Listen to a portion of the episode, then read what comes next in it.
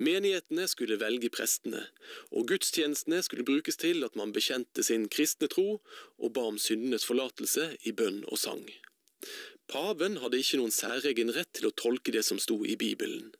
Tiggervesenet, som han selv hadde vært en del av som tiggende munk, skulle avskaffes, og isteden skulle man innføre et fattigvesen. Åndelig og politisk makt måtte skille lag. Geistlige var ingen politikere. Universitetene måtte gjennomgå en grunnleggende reform.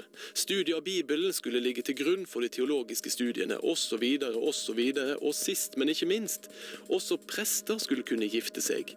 For hvor i Bibelen sto det noe om at de ikke kunne det?